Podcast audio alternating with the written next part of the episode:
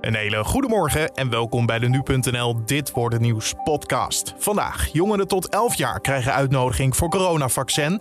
Staatssecretaris Velbrief voor de tweede dag op werkbezoek in Groningen.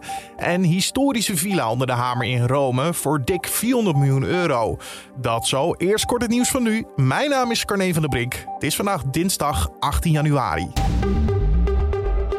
Het leven wordt nog duurder. Door de hoge energieprijzen zal de koopkracht van huishoudens dit jaar sterker teruglopen dan gedacht.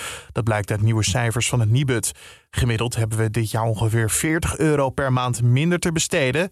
En je zal dat ook gaan merken in de supermarkt en aan de pomp. De vermiste vierjarige Dien uit België is gisteravond dood aangetroffen in Zeeland. Hij is gevonden op dezelfde dag dat er een Amber Alert uitging voor het jongetje.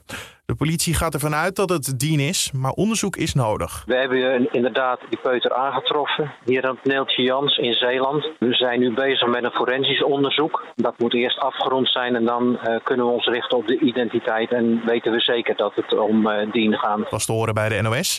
Diens 34-jarige oppas nam hem vorige week mee vanuit de omgeving van Antwerpen. De man is gisteren aangehouden in Meerkerk. Nienke Wijnhoven, die in 2018 meedeed aan The Voice of Holland, zegt betast te zijn door bandleider Jeroen Riepergen.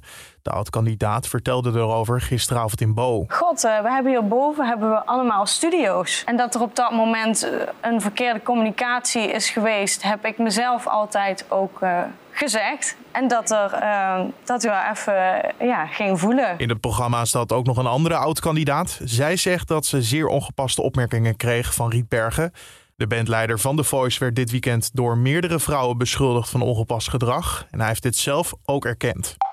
En dan nog sport, want de FIFA Wereldvoetballer van het jaar is gisteravond weer bekendgemaakt. En dat is geworden voor het tweede jaar op rij Bayern München spits Lewandowski. Hij had mooie woorden voor zijn medespelers en coaches. Thank you, thank you very much. Uh, this trophy belongs also to my team and to my coaches because we all uh, work hard to, to winning the games, to winning the trophies. So that make me also special. En er was ook nog een klein oranje tintje, want Vivianne Miedema staat in het vrouwen wereldelftal van het jaar. Dan over naar de agenda van deze dag. Want vandaag worden kinderen van 5 tot en met 11 jaar uitgenodigd voor een vaccinatie tegen het coronavirus. De brief daarvoor kan vandaag op de mat vallen bij de ouders. En de, eerste prikken zouden dan volgende week gezet moeten worden. In totaal gaat het om meer dan 1 miljoen kinderen die de prik kunnen krijgen. En de nieuwe staatssecretaris Hans Velbrief van Mijnbouw is sinds gisteren op werkbezoek in Groningen. Hij praat daar met bewoners, bestuurders en belangengroepen in het aardbevingsgebied. En onlangs kregen Groningers nog te horen dat er dit jaar toch meer gas zal gewonnen worden uit de provincie. Dat nieuws kwam hard aan bij de bewoners. En in Rome gaat een historische villa onder de hamer. Het gebouw moet meer dan 470 eh, miljoen euro opleveren. Dan krijg je niet alleen een villa, maar ook een eh, plafondschilderij van de Italiaanse kunstschilder Caravaggio.